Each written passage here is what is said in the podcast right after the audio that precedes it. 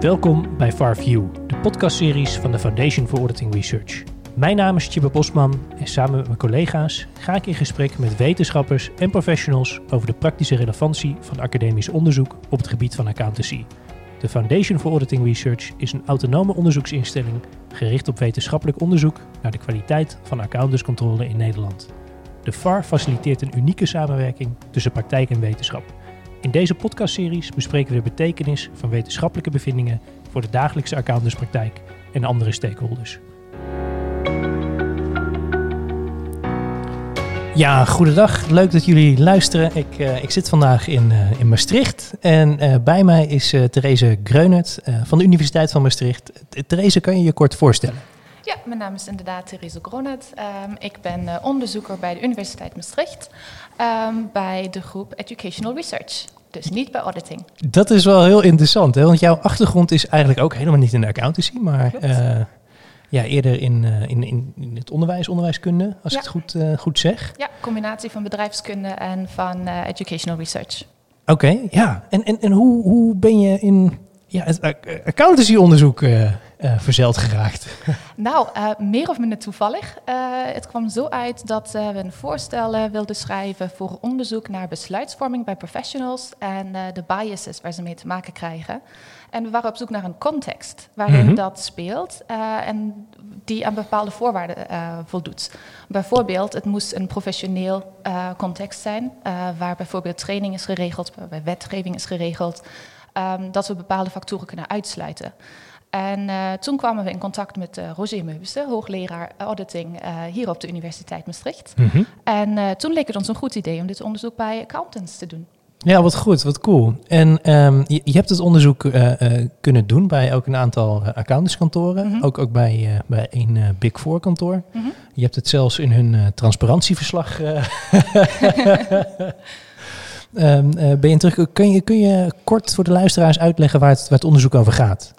Wij kijken in al onze onderzoeksprojecten naar de link tussen leren en besluitvorming. Dat mm-hmm. betekent hoe kunnen we accountants helpen om zich aan te passen aan veranderingen, aan uh, uitdagingen, aan onverwachte problemen de, waar ze te maken krijgen.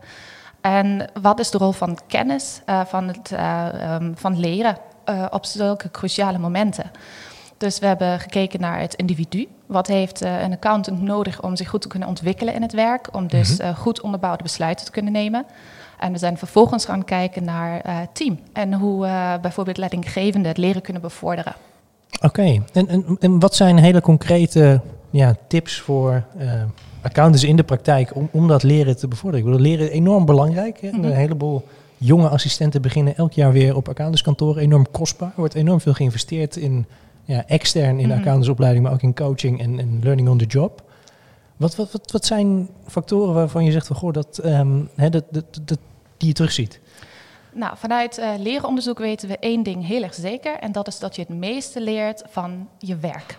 Mm-hmm. Dus training is een belangrijke basis, maar het allermeeste bijna 70% van wat je leert, leer je door doen, door observeren, door vragen stellen, door fouten maken. Mm-hmm. Dat betekent, als je leren wil bevorderen, dan zou ik daar vooral uh, meer aandacht aan besteden, omdat we weten dat het juist heel veel kan betekenen voor mensen. Nou, hoe doe je dat? Je moet uh, omstandigheden creëren waarin mensen zich veilig voelen om je te laten weten dat ze iets nog niet kunnen of mm-hmm. nog niet weten. Bijvoorbeeld, um, als ik een fout maak en dat meteen voor wordt gestraft, dan ga ik de volgende keer misschien niet zeggen dat er een probleem is geweest. Mm-hmm. um, als ik zie dat mijn uh, collega's uh, het nooit hebben over reden waarom dingen worden gedaan, dan leer ik ook niet ernaar te vragen.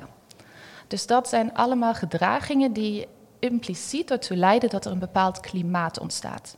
En een leerklimaat die houdt in dat je vrij mag aangeven van ik begrijp iets niet. Ik, uh, ik zie eigenlijk niet waarom we dit doen. Um, ik, uh, ik heb hier een fout gemaakt. Um, waarom doen we dit niet anders? Mm-hmm. Dat dit op een open manier wordt ontvangen. Dus niet als storend, maar als een verrijking van het proces dat je goed nadenkt over hoe vormen we eigenlijk ons oordeel. Dus het is vooral in, ja, het ligt in de sociale interactie tussen teamleden. En uh, daar spelen vooral de leidinggevenden een heel grote rol. Oké, okay. heel, heel, interessant. Ik bedoel, accountantswerk is, uh, wordt uiteindelijk door mensen gedaan. Hè? We zijn afhankelijk van, van hoe mensen het doen. Um, wat we veel uit de praktijk terug horen is dat um, ja, er toch soms ook wel een angstcultuur heerst hè, voor uh, nou, een slechte inspectie Mhm. van ofwel het kantoor zelf ofwel de AFM en de consequenties die daar aanhangen. Hè, soms aan maar één eh, waarneming, waar ze een heel jaar heel hard hebben ja, gewerkt aan verschillende dossiers. En, en ja, dan wordt er eentje gestoken, risk-based, en dan blijkt die wellicht niet helemaal in orde te zijn. Mhm. Ehm, wat is daar het effect op, op, op leren en, en op de ontwikkeling van, van professionals? Nou, we weten uit eh, onderzoek in de management sciences dat angst eh, een heel slechte basis is voor leren. Mhm. Angst zorgt voor eh, ja, conservatief gedrag. Ehm, ik ga alleen dingen doen waar ik zeker weet dat ik er niet voor word gestraft. Mhm. En dat spreekt het leren eigenlijk tegen. Want leren vraagt juist dat je dingen doet die je nog niet hebt gedaan. Of die je misschien op een andere manier hebt gedaan. Ehm, dus uit angst ga je eigenlijk proberen te voorkomen fouten te maken. Mhm. Dus ga je minder leren. Oké, ja, dus, dus, dus op een accountantskantoor een heel slecht, ehm, ja, als er een heel slecht, of als er een angstcultuur heerst, dan, dan helpt dat niet in de ontwikkeling van professionals. En Nee. dat, ja, dat schaadt de kwaliteit van het werk ook op de lange termijn. Ex- exact. En het probleem is ook dat het eh, zo'n cultuur die ontstaat natuurlijk niet vanuit niks. Eh het is meestal een top-down iets. Eh, dus op het moment dat de top van een organisatie angst ervaart, Mhm. eh, geven ze dat onbewust ook door aan de lagere ranks in, eh, op een kantoor bijvoorbeeld. Ehm, dus het kan iets heel onbewust zijn, wat je eigenlijk helemaal niet wilt, maar wat wel ontstaat door gedrag, door hoe je communiceert, door waar de nadruk op wordt gelegd. Stel, er is een kantoor en, en uit een medewerkersonderzoek komt naar voren van, goh, ja, met die angst in die leercultuur en het Mm. climate, eh, dat, dat, dat, kan bij ons, dat kan bij ons beter. Ehm, hoe, hoe gooi je dat om? Hè? Kan dat op het een op andere jaar? Is, is dat, hoe, hoe werkt dat? Nou, cultuur is, eh, is geen quick fix. Hè? Dat, Mhm. eh, dat eh, ja, kan iedereen zich voorstellen dat een cultuur niet van vandaag op morgen gewoon kan worden veranderd. Ehm, centraal staat bij de ontwikkeling van cultuur dat er consistente boodschappen worden gegeven van de top door de hele organisatie heen. Ehm, dus als één leidinggevende zegt, ik vind leren heel erg belangrijk, mijn deur is open, dan moet het worden opgevolgd door gedrag. En niet alleen door die leidinggevende, maar door alle anderen ook. Oké, Dus het vraagt ehm, een consistent waardepatroon die ook eh, in dagelijkse eh, praktijk wordt geleefd. ja. En, en dat lijkt me juist bij accountants heel erg lastig, omdat ze elke keer, ja, de teams zijn toch een beetje, ja, we noemen ze ook wel vloeibaar. de ene keer werk je op deze audit, de andere keer op die. En, en ook eh, ja, managers en partners eh, eh, Hm. worden ook wel eens gewisseld. Het, het, het verloop is, is, is, is, is groot. Hoe, hoe, hoe zie je dat in, in die context? Ehm, nou, we hebben interviews gedaan met een hele aantal eh, accountants. En we hebben juist gevraagd naar wanneer vertoont een team dan leergedrag, ja of nee? Wat zijn de omstandigheden wa- waardoor een team dat dan wel kan doen? En een van de belangrijkste redenen die werd aangegeven was een leider die een goed voorbeeld is. En leiders in die zin zijn niet alleen partners, maar dat zijn zelfs seniors die dus leiderschap geven aan, aan de jongste accountants. Iedereen die in een leiderschapspositie zit, kan een positieve invloed hebben op het team en op de teamomgeving. Ehm, daarin zijn ze wel afhankelijk van de condities die door het kantoor zelf worden gecreëerd. Eh, dus vanuit die interviews en van de inzicht dat iedereen een belangrijke rol kan spelen, zijn we vervolgens gaan kijken naar wat weten we eigenlijk over wat een organisatie kan doen om teams in staat te zetten om te gaan leren. En daar blijken drie factoren heel erg belangrijk te zijn. Het eerste is tone at the top. Eh, een tone at the top die communiceert dat eh, wij proberen hoge kwaliteit te zorgen. Dat externe beoordeling een rol speelt, maar niet de enige rol. Dus dat Mhm. heeft te maken met die angstcultuur waar we het over hebben gehad. Ehm, en tone at the top die waardeert dat, eh, dat vragen worden gesteld, dat kritisch eh, intern wordt gediscussieerd. Het tweede factor die we hebben gezien is eh, de cultuur. En dan vooral een lerende cultuur. Mhm. Dus een consistent gevoel van wij vinden leren belangrijk. We gaan mensen de ruimte geven, we gaan luisteren, wij gaan, we gaan vragen stellen, we willen van elkaar leren. En het laatste en eh, ook het meest belangrijke was eh, de resources die het team krijgt. En resources, daarmee bedoel ik autonomie. Dat Mhm. het team zelf ruimte heeft om te besluiten hoe gaan we een bepaald engagement aanpakken. Op dit moment hebben we dit meer nodig of dat meer nodig. Dat het team de ruimte krijgt om daar volgens zijn eigen professioneel kennis eh, gewoon te handelen.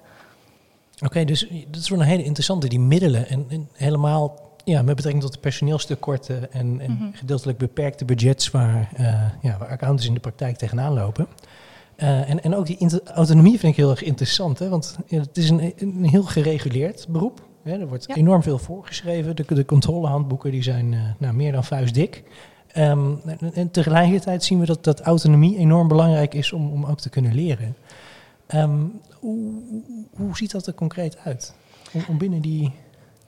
Of heb je daar ideeën over? Volgens mij ligt het minder in de, de, de regels, eh, maar het ligt in het gedrag, hoe die regels worden ingevuld in de praktijk. Ehm, ik heb natuurlijk eh, in een leidinggevende positie keuze hoe ik met mijn teamleden omga.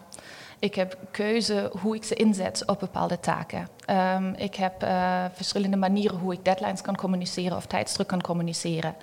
Dus eh, voor mij staat eigenlijk de autonomie los van de regels. En de autonomie heeft vooral te maken met het gedrag in het team zelf. Dus het gaat veel meer om het gedrag en veel minder eigenlijk om de, om de techniek, als ik het zo maar zeg. Ik denk dat de technische kant heel goed eh, in elkaar zit, al bij de allermeeste kantoren. Dat ze methodologieën hebben die heel goed ontwikkeld zijn. Dat ze ehm, door vaktechniek heel goed onderzoek doen zelf naar wat werkt en wat niet werkt. Ik denk ook dat het reviewproces eh, heel goed is opgezet.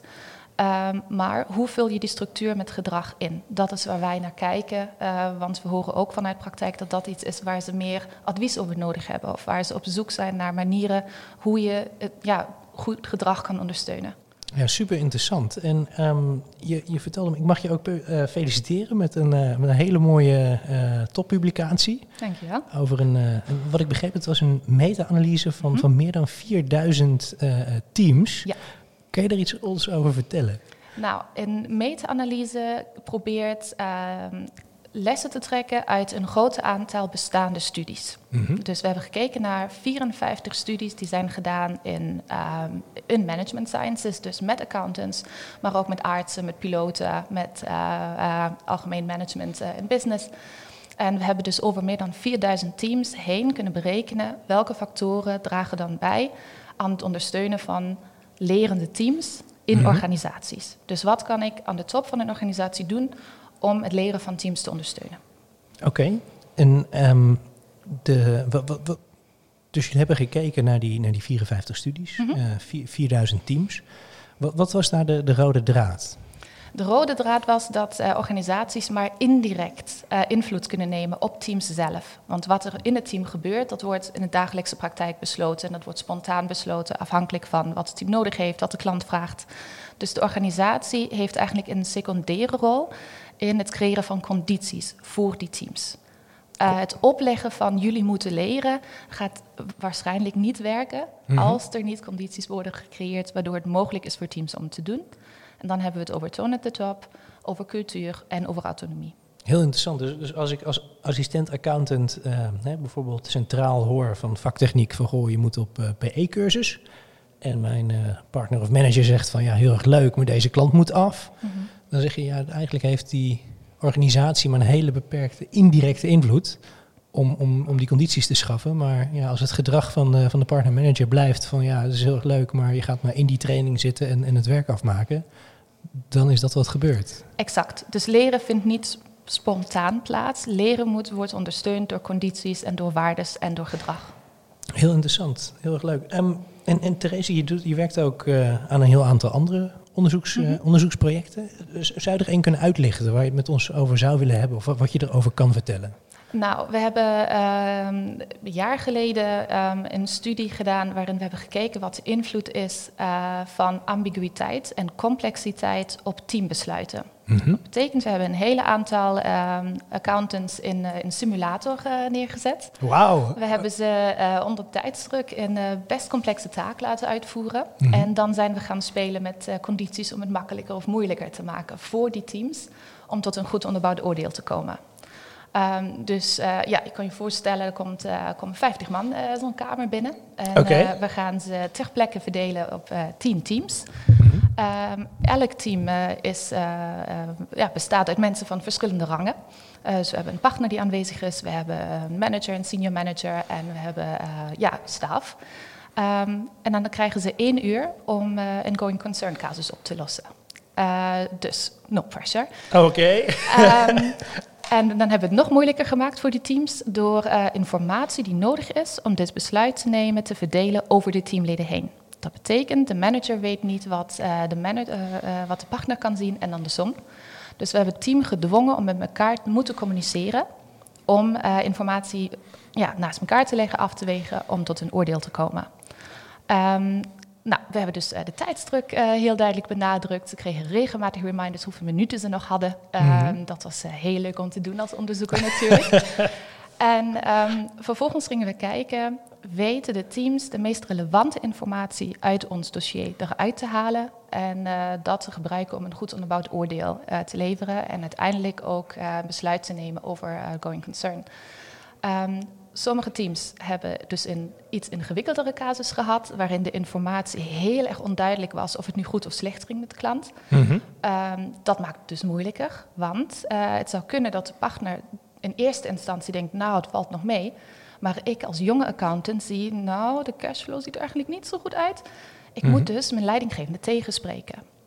En dat is natuurlijk een hele uitdaging. Ja. En uh, we hebben dus geprobeerd, hoe kunnen we het makkelijker maken voor de jonge mensen om uh, deel te nemen aan, die, aan, het gesprek, om mee te doen aan het oordeel. En uh, we hebben een interventie getest, die kost uiteindelijk maar vijf minuten de tijd. Het is mm -hmm. een korte time-out, um, waarin de partner vraagt wie aan tafel heeft ervaring met uh, going concern judgments of vergelijkbare complexe taken. uit ervaring, waar gaan we tegenaan lopen? Mm -hmm. Dus waar moeten we op letten?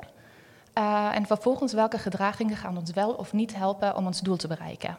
Dus eigenlijk probeer je het hele team even uh, ja, on the same page te krijgen, zeg maar. Mm -hmm. Dat je afspreekt wat is acceptabel gedrag, wenselijk gedrag en wat gaan we met z'n allen proberen te vermijden. En uh, die vijf minuten waren voldoende om ervoor te zorgen dat teams ook met hoge complexiteit significant beter onderbouwde oordelen konden vormen. Dus vijf minuten tijdinvestering. Uh, en een beter onderbouwd oordeel. In het kritisch reflecteren, waar zijn we mee bezig? Welke ervaring brengen we mee? En, uh, oh, wat goed. Wat, wat, wat, is, hoe, hoeveel, hoeveel, deelnemers had je in totaal? Uh, voor deze studie hadden we er bijna 500. Wauw. Ja, dus we hadden iets van 95 teams die we uh, in dit experiment hebben konden meenemen. Wauw, dus echte accountants, echte, echte partners, managers, ja. staf. Um, oh, wat, wat, wat, wat goed en enorm interessant. Dus ja, het, het, het de uitkomst en, en, de praktische relevantie voor de praktijk is eigenlijk het, het, het ja, gestructureerd um, uh, reflecteren van ja, waar, waar, staan we eigenlijk? Hè? Wat weten we? Ja. En, uh, en een van de dingen die uh, uit dit onderzoek zijn voortgekomen bij, bij het kantoor dat meedeed aan dit onderzoek, was dat ze um, deze time-out, maar ook het bijhorende gedrag als een rol hebben neergezet in teams. Dat mm -hmm. dus iemand in het team de rol krijgt om te kijken, zijn we nog goed bezig? Houden we ons aan die afspraken die we hebben gemaakt? Oké. Okay. Um, en dat is, uh, we zien uit onderzoek dat dat het beste kan bij iemand die in het midden van de hiërarchie zit. Dus een manager bijvoorbeeld. Okay. Die zowel begrijpt waar de partner naartoe wil, mm -hmm. die voldoende kennis heeft om, uh, om ja, ja, het grote plaatje een beetje te kunnen bekijken, maar die zich ook nog heel goed kan inleven in hoe het voor de jongere teamleden voelt. Dus iemand die... Uh, ja, veel fysiek aanwezig is. Iemand mm -hmm. die begrip heeft voor de andere functieniveaus uh, in het team. Die dus perfect in staat is om te zeggen: jongens, we moeten even stoppen. Uh, volgens mij zijn we niet goed bezig. Uh, ik stel voor dat we toch nog even hebben over hoe we dit doel willen bereiken. En we hebben in onze simulaties gezien dat dat een rol is die voor de meeste managers best natuurlijk is. We mm -hmm. hebben veel mensen gezien die dat spontaan doen. Um, en op het moment dat het team serieus bezig was, omdat, omdat ze duidelijk hadden besloten: dit is wenselijk gedrag, dit is niet zo wenselijk gedrag, hebben we ook niet meegemaakt dat die persoon niet serieus werd genomen. Oké. Okay. Dus um, het is een heel kleine interventie mm -hmm. uh, die tot een best groot effect heeft geleid. Ja, om, om, om echt even met z'n allen een stap terug te doen. En, en, en heel interessant dat die rol dan um, ja, het beste werkt eigenlijk bij de, bij de middenlaag op het, op het auditteam. Um, dus in, in, in, die discussies zie je ook dat bepaalde um, uh, functies daar juist um, ja, een, een, grotere rol in spelen. Mm -hmm. Of zijn er bepaalde ja, size effects zeg maar, van, van, van bepaalde functies? Of nou, we zien dat uh, over het algemeen de partners een grote invloed hebben op hoe het team samenwerkt. Mm -hmm. we zien dat in teams waar de partner zelf veel informatie deelt, uh, de middenlagen van het team ook veel informatie delen. Maar dat mm -hmm. geldt niet per se voor de laagste rangen in het team. Oké. Okay. Dus um, ja, dat dat voorbeeldgedrag, dat werkt niet even goed voor iedereen. Mhm. Betekent dat uh, bij so in sommige gevallen de jongste teamleden toch iets meer aanmoediging nodig hadden om door te gaan met, uh, uh, met delen van informatie, met kritisch zijn. Um. En, het mechanisme voor die um, jongere teamleden is het dan vooral dat ze ja, zich onzeker voelen of, of vrij geïntimideerd? Van oké, wow, er zit echt iemand en die gaat ook nog mijn beoordeling invullen en het is belangrijk wat hij van me vindt, dus ik zeg maar liever niks? Of um, dat is wat, wat, wat, is jullie vermoeden waar dat vandaan komt? Nou, we hebben mensen gevraagd. Oké, okay, uh, we oh, hebben goed. interviews gedaan en uh, we hebben vooral ook aan de jonge mensen gevraagd van nou, wanneer zeg je dan wel iets of niet? Mhm. Um, en wat blijkt is dat ze zich minder strategisch opstellen dan verwacht. Ik had dus ook verwacht, net zoals jij net zei, uh, dat het gaat over oh, ik word beoordeeld en ik wil eigenlijk ja, ik wil een goede indruk uh, achterlaten bij mensen. Ik ga dus niet moeilijk doen. Uh, maar het is veel meer dat ze aan hun eigen kennis twijfelen. Okay. Dat, ze zich, dat ze nog niet zeker weten, maar hoe belangrijk is het dan eigenlijk? En is het echt zo'n groot issue als ik, uh, als ik zelf vind? Dus ze vinden het dan makkelijker om bijvoorbeeld naar de, de directe leidinggevende te stappen dan naar de partner. Ja. Uh, dus uh, de jongsten gaan dan eerder naar een senior en uh, gaan vragen van kijk, ik weet het even niet zeker, wat vind jij hiervan? Ja. Dan direct naar de manager of hoger te stappen. Dus het is meer dat ze het wel goed willen doen, Mhm. maar dat ze zich bewust zijn dat ze nog niet alles weten. En dat is een heel goede teken. Als Mhm. je weet wat je niet weet, kan je veel effectiever om hulp vragen dan als je overconfident bent natuurlijk. Ja, nee, absoluut. Heel, heel, en, en, en zagen jullie nog verschillen um, met geslacht, met mannen en vrouwen? Dat ze anders... Uh... Um, op de jongste niveaus wel. De, de, de lagere rangen wel. Dat uh, we een beetje het gevoel kregen dat, uh, dat uh, vrouwen het vaker hadden over... Ik ga toch eerst met een collega en dan gaan we samen naar de manager. Dus het was meer een sociaal proces. Mm -hmm. um, terwijl bij de mannen het meer ging over... ik wil het gewoon efficiënt oplossen. En ik durf dat gewoon. Oké, Um, op de hogere niveaus zagen we geen verschillen. oké. Heel interessant. Echt, eh, ja. En, en, en ook interessant wel dat dat, dat voorbeeldgedrag van, van, van die partner dus een Mhm. mega grote, grote rol speelt. Maar ook hoe die, hoe die senior dan weer met zijn, eh, met zijn jongste collega's eh, omgaat. Ik, ik denk hele relevante inzichten voor, voor, de praktijk. Is er iets anders qua, qua onderzoek of, of ook algemeen auditingonderzoek? Hoe, hoe kijk jij helemaal als buitenstaander tegen het vakgebied aan? Um, voor mij is het uh, een vak dat heel erg spannend is. Mhm. Um, ik zie meerdere bewegingen tegelijkertijd die plaatsvinden. Aan de ene kant is, er, uh, is alles heel duidelijk geregeld. Uh, dus je zou verwachten dat dat heel veel zekerheid oplevert. Dat dat heel veel zelfvertrouwen oplevert. Van zo moet het en dan is het goed. Ja, Tegelijkertijd zie je wel dat mensen het niet zo duidelijk ervaren. Dat het veel meer is van ja, we moeten afwegen. En wat moeten we dan wel of niet doen? Waar moeten we op letten? Um, dat er heel veel wordt overlegd. Dat uh, heel veel gebruik maken van interne experts. Om zeker te weten dat het goed wordt opgelost. Mhm. Um, dus het is een vak wat tegelijkertijd voorspelbaar en niet voorspelbaar is. En dat maakt het voor mij als onderzoeker enorm spannend. Mhm. Want het betekent mensen bouwen expertise op. Maar die expertise is niet per se betrouwbaar. Als ik Oké. ik ga het even uitleggen wat ik Ja. ermee bedoel. Want uh, als schaker doe Mhm. ik A en dan volgt B. En ik kan de, de probability van resultaten kan ik gewoon makkelijk berekenen. Dus als Mhm. ik lang genoeg bezig ben met schaken, kan ik heel goed worden. Ja, Bij uh, auditing, dat is natuurlijk niet zoals schaken, uh, moet je afwegen, want je hebt wel te maken met mensen. Je hebt te maken met verschillende motivaties. Je hebt te maken met, uh, met ja, ontwikkeling in de maatschappij. Dus als je altijd A hebt gedaan, gaat niet altijd B volgen. Alleen als de omstandigheden hetzelfde blijven, maar dat blijven ze niet. Dat betekent dat je ook als ervaren professional continu moet blijven leren om je expertise op hetzelfde niveau te kunnen houden. Je kan nooit stoppen met leren. En dat maakt, maakt het voor mij als leeronderzoeker juist heel erg spannend. wat cool. Ja, nee, en um, uh, goed uitgelegd, dankjewel. Ik, ik, ik herken er ook wel wat in. Um, he, die, die, economische omstandigheden, um, die veranderen altijd. Geen klant is Mhm. hetzelfde, geen uh, contactpersoon bij een klant is hetzelfde, geen teamlid is hetzelfde. Precies. En, en, en je weet het niet altijd van tevoren. Hè? Een risico is niet perfect inschatbaar voor een, voor een klant. Uh, dat kan altijd nog veranderen door informatie die je pas later uh, uh, binnenkrijgt of die je later gaat, anders gaat interpreteren. Dus doordat je het niet weet, uh, ben je altijd uitgedaagd. En, en, heb je het gevoel dat accountants dan ook heel erg last hebben van, als het ware, hindsight bias? Dat, dat er dan wordt gezegd van, oh ja, um, ja, de klant is toch failliet gegaan en we hebben toch geen going concern opinie afgegeven. Ja, hem, ja, ja, met de kennis van nu was het ook wel duidelijk. Maar ja, destijds was het wellicht een heel goed oordeel. Nou, ze zijn wel mensen. Hè? Dus hindsight is iets waar iedereen last van heeft. Uh, We mhm. kunnen in hindsight alles perfect uitleggen. Um, maar we moeten wel rekening daarmee houden dat op het moment zelf het niet altijd zwart of wit is.